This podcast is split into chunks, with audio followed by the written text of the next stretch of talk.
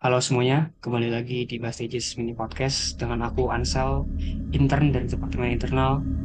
Dan pada hari ini, aku nggak sendirian. Ada aku Anin.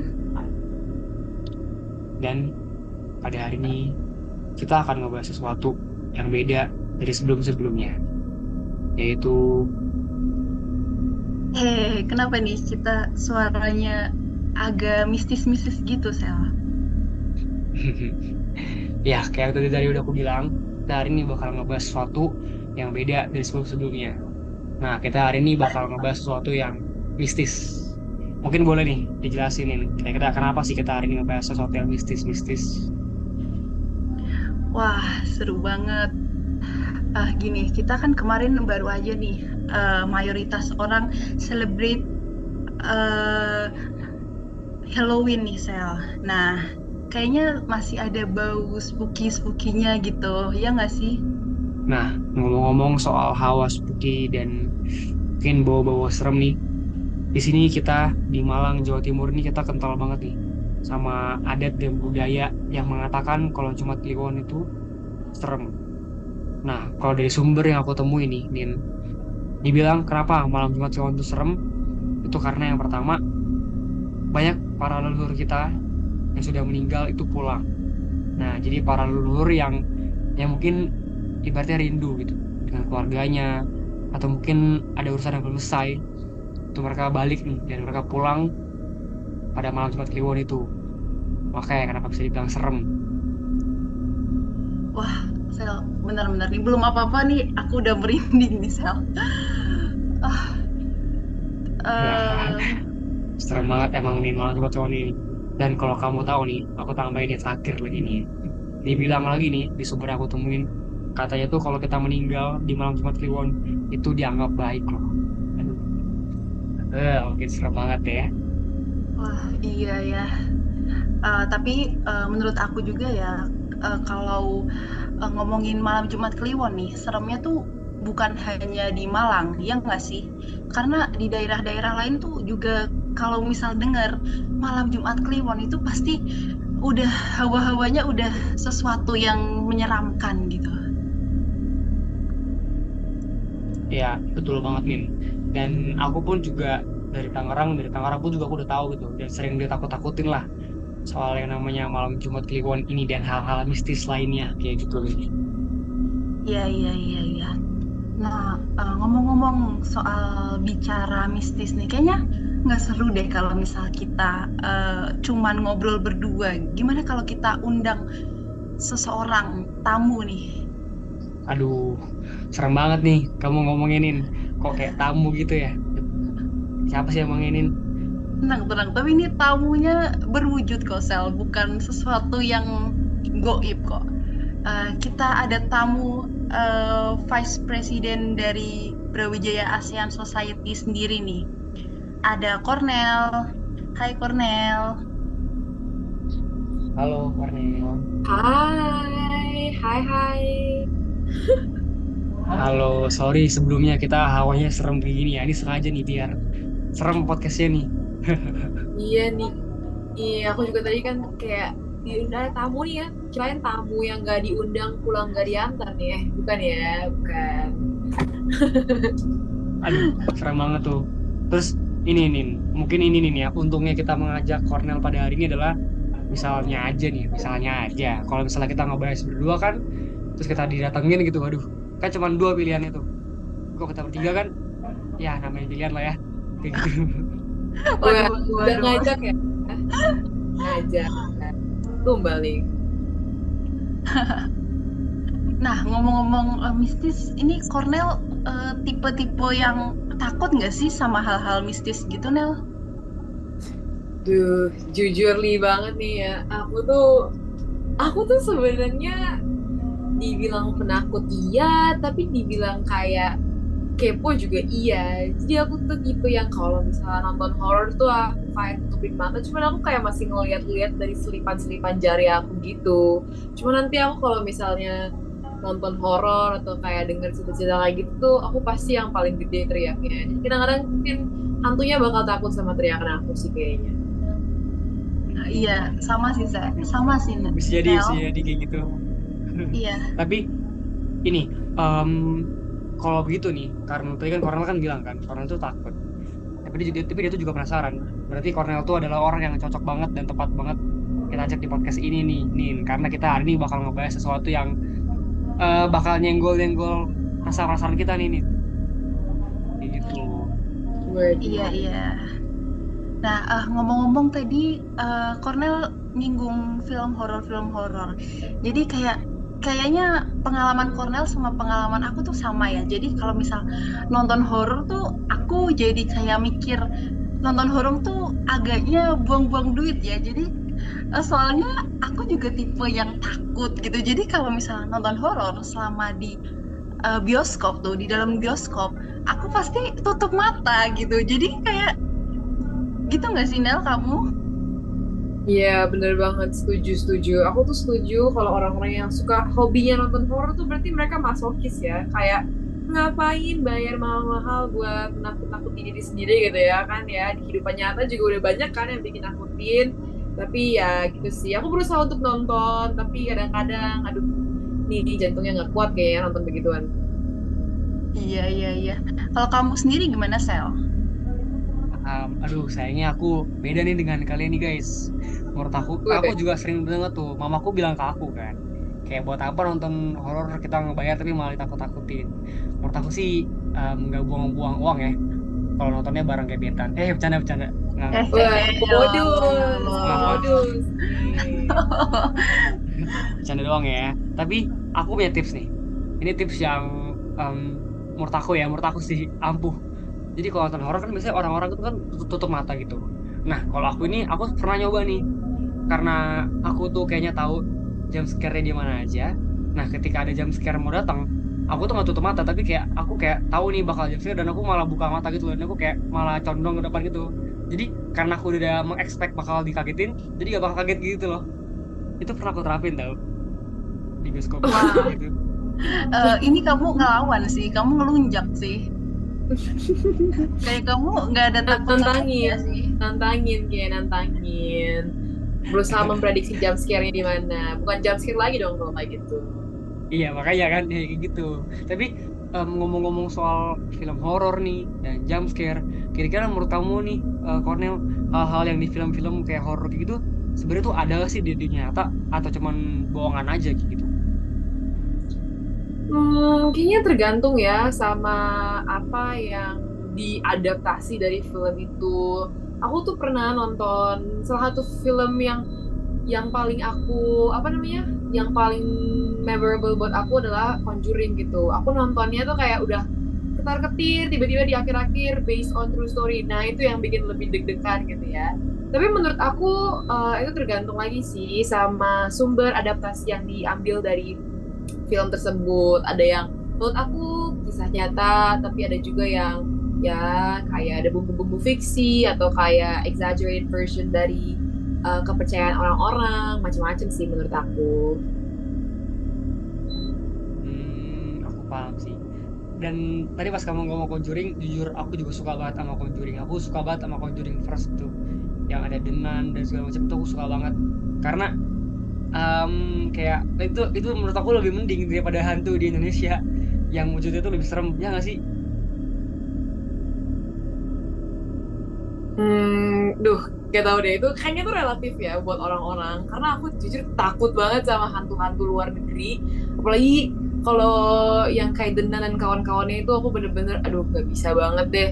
Sebenarnya hantu Indonesia juga serem banget. Cuman kadang-kadang tuh aku nggak tahu kenapa ya. Mungkin aku udah ngeliat orang-orang tuh suka bikin jokes ya tentang hantu-hantu. Jadi di Indonesia. Jadi aku kadang-kadang suka kayak, oh mungkin hantu Indonesia agak lebih bearable buat aku ya, buat aku. Iya bener banget Nel. Ah, yang yang kamu bilang kayak itu relatif. Eh, aku juga eh, nggak ada yang mending sel apa namanya hantu di luar negeri atau dalam negeri semuanya sama aja sih. Menurut Sama-sama aku serem ya. Iya, menurut aku malahan yang di luar negeri tuh lebih serem sih. Eh, mungkin eh, yang di dalam negeri tuh beberapa yang aku tonton kemarin terakhir aja itu yang KKN desa di desa penari itu ya. Kamu nonton Gue nggak itu?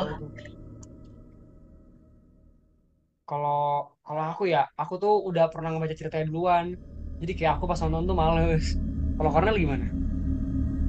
Hmm, jujur, aku udah pernah baca thread Twitternya, tapi aku gak berani juga nonton eh, filmnya. Kalau film Indo tuh aku terakhir nonton tuh ini, aduh apa sih?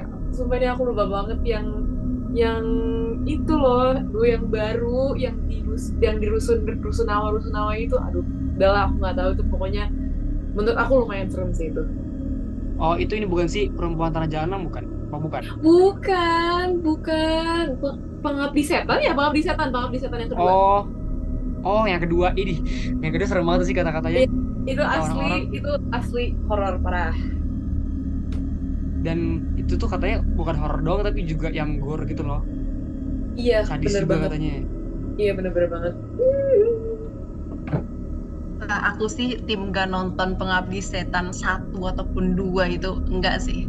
Daripada aku nggak bisa tidur, mending nggak usah sih.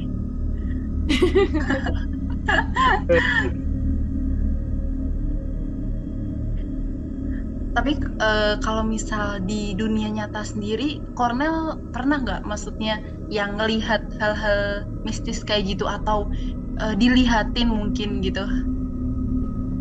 Aduh, aduh, untungnya nih ya, untungnya banget. Aku belum pernah dan semoga aja kan jangan, jangan semoga aja jangan pernah lihat karena kayaknya tuh Tuhan tahu kalau aku ngelihat aku kayaknya udah langsung wah lari birit-birit dan gak akan mau lagi ngelihat sama sekali. Jadi dia nggak akan menampak. Semoga aja aku nggak akan pernah dilihatkan ya hal-hal kayak gitu. Karena aku paling gak bisa gitu kalau ngeliat aslinya.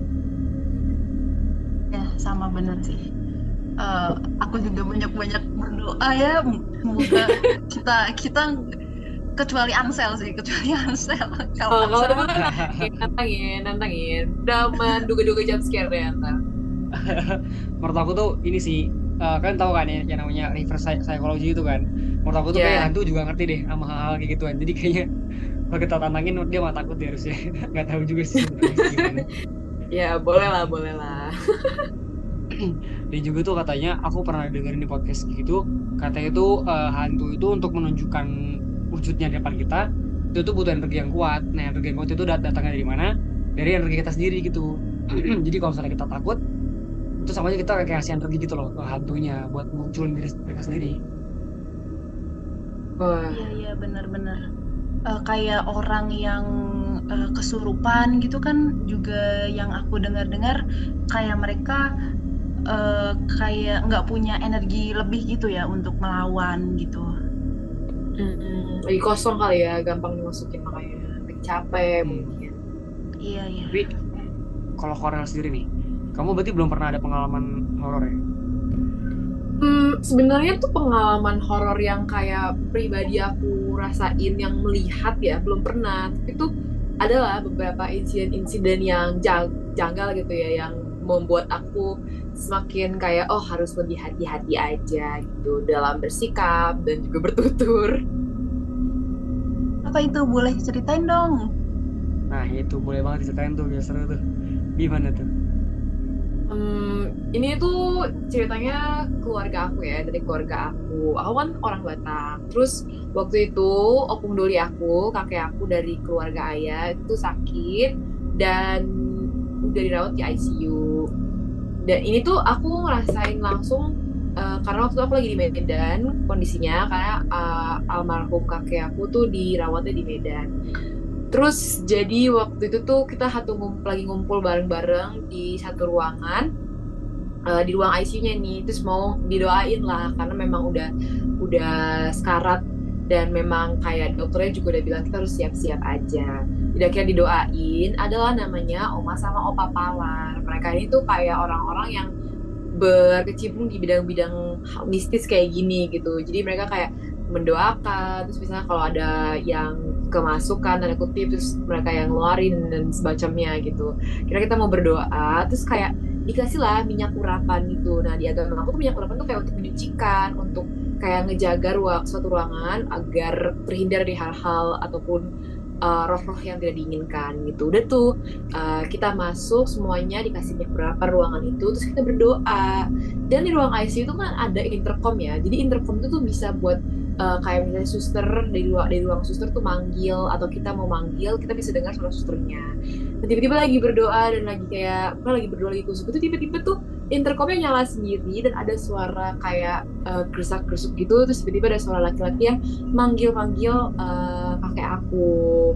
Nama ya pokoknya dia manggil-manggil nama kakek aku terus disuruh pulang-pulang terus kayak soalnya itu bener-bener kayak serem banget. Ini aku ceritain sampai merinding bener-bener kayak serem gitu sampai kita semua kan panik dan kaget.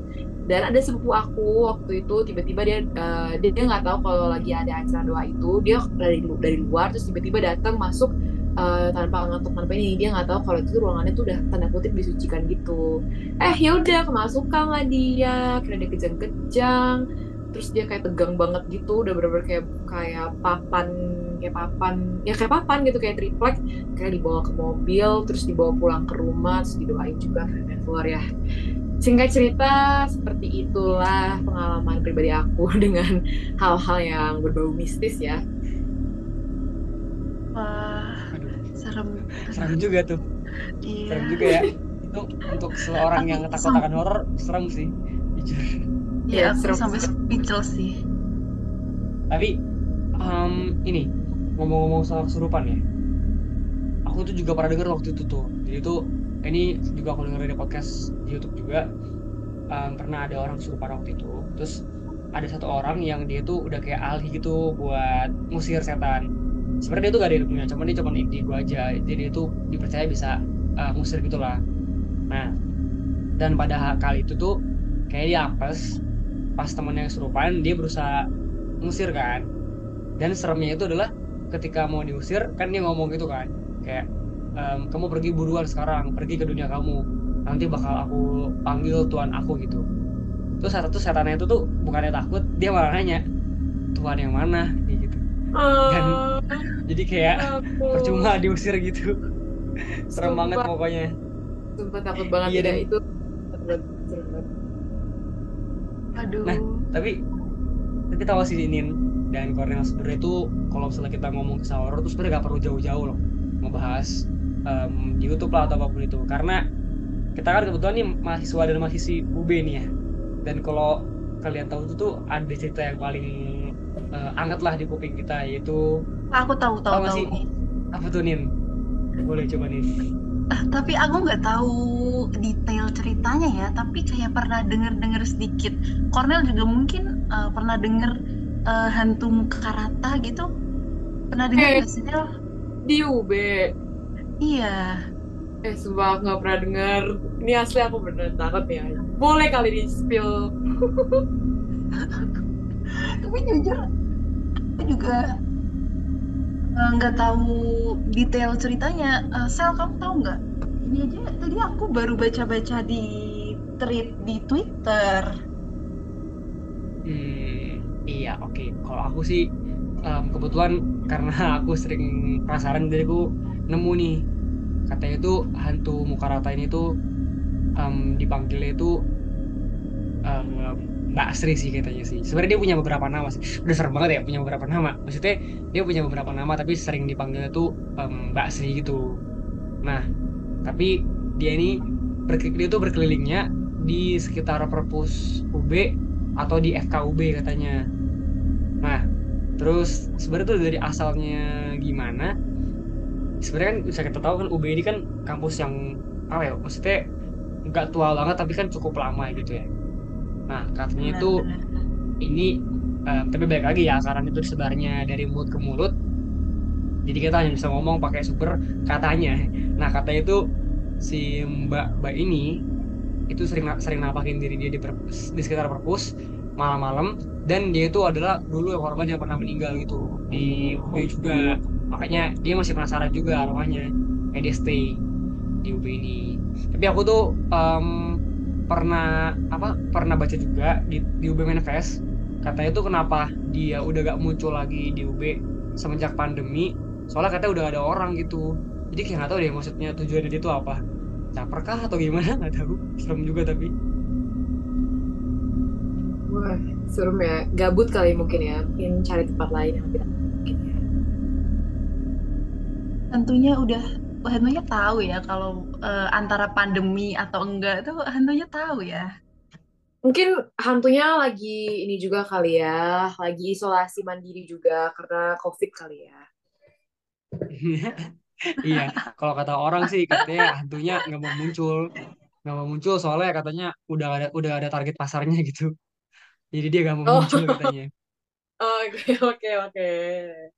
Tapi um, udah dengan sekian banyaknya cerita horor nih ya, Cornell dan juga um, Anin, kira-kira nih menurut kalian tuh sebaiknya gimana sih cara kita menyikapi hal-hal kayak begitu? Misalnya kita, misalnya aja nih ya, kita kan nggak mau nih ya, aku juga nggak mau sih.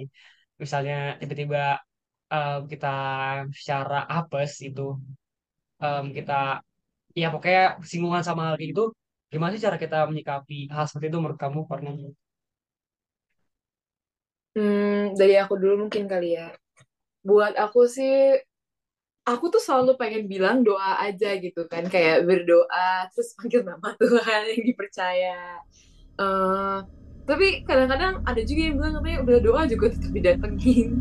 Dan aku rasa itu kembali lagi sama kayak ya udah sih iman pribadi aja, kayak yang penting selalu berpegang sama eh, sama Tuhan. Terus apalagi kalau kalau bisa jangan sendiri, langsung cari orang lain yang apa pokoknya langsung ke tempat yang rame atau kalau lagi emang apes-apesnya di rumah sendiri ya langsung keluar atau gimana gitu. Yang penting jangan jangan diam jangan kosong jangan membiarkan hal-hal yang tidak diinginkan terjadi.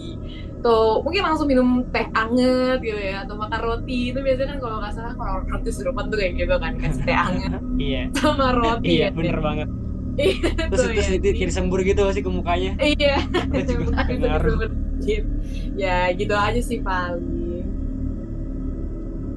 Ya benar banget sih Nel. Aku juga eh, sebenarnya aku, aku kalau misal di dunia nyata juga eh, aku mikirnya eh, kalau kita berdoa kita eh, doa misal kita udah hawa-hawanya merasa nggak enak gitu kayak aku mikirnya pasti akan baik-baik aja baik-baik aja baik-baik aja gitu sih. Jadi eh balik lagi gimana caranya melawan rasa takut ya aku sama aku setuju sama Cornell eh satu-satunya cara ya berdoa berdoa berdoa gitu sih.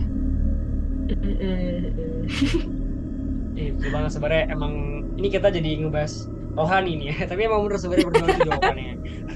Cuman menurut aku ini sih kayak apa eh, mendoa itu jawabannya dan doa itu emang penangkalnya tapi nah ini tergantung lagi nih namanya juga doa kan itu juga balik ke hati dan niat kita kan.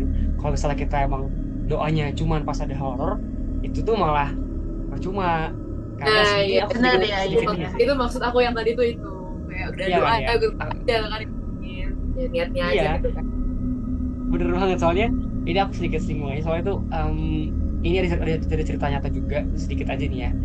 Untuk penutup juga mungkin jadi tuh ada em, orang pas ini orang yang sama juga di YouTube yang sama ya. Dia itu habis pas dia mau jadi tuh di agama aku ada doa yang ibaratnya mungkin paling kuat kali ya.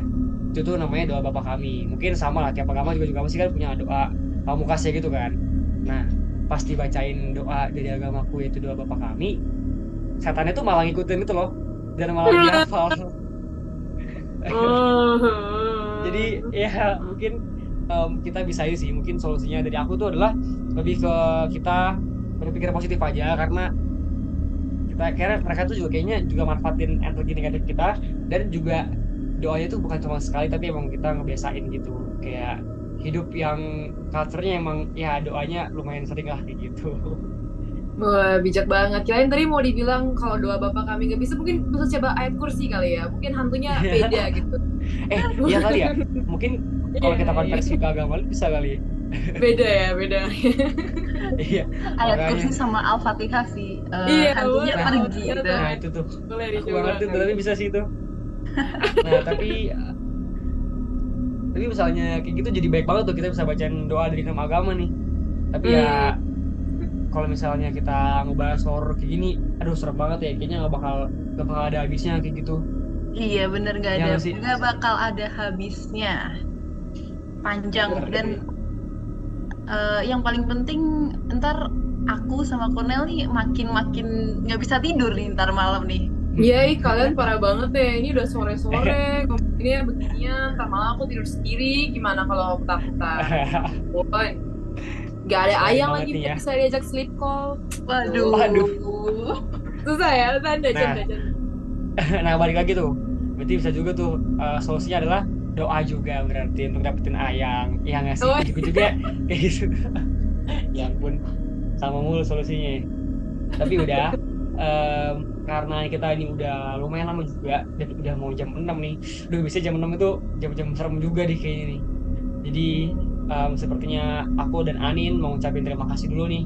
Cornel karena udah meluangin waktunya di sini ngebahas hal-hal yang malah bikin takut tapi tetap kamu datang gitu. Terima kasih banget ya Cornel Oke, makasih banget juga udah ngundang aku. Thank you Cornel. Oke. Ntar kapan-kapan kita ngobrol-ngobrol lagi ya Nel. Pasti, harus banget tuh pasti. harus banget dan mungkin next obrolannya jangan soal horor ya kan makin Iya, seru nih Jangan, jangan dong. Cukup kali ya, cukup sekali. Oke, jadi kalau gitu aku, Cornel dan Anin izin undur diri dan buat teman-teman yang dengerin Bahasa Inggris Podcast, aku harap bisa dengerin podcast-podcast berikutnya. See you. Dadah. Bye-bye.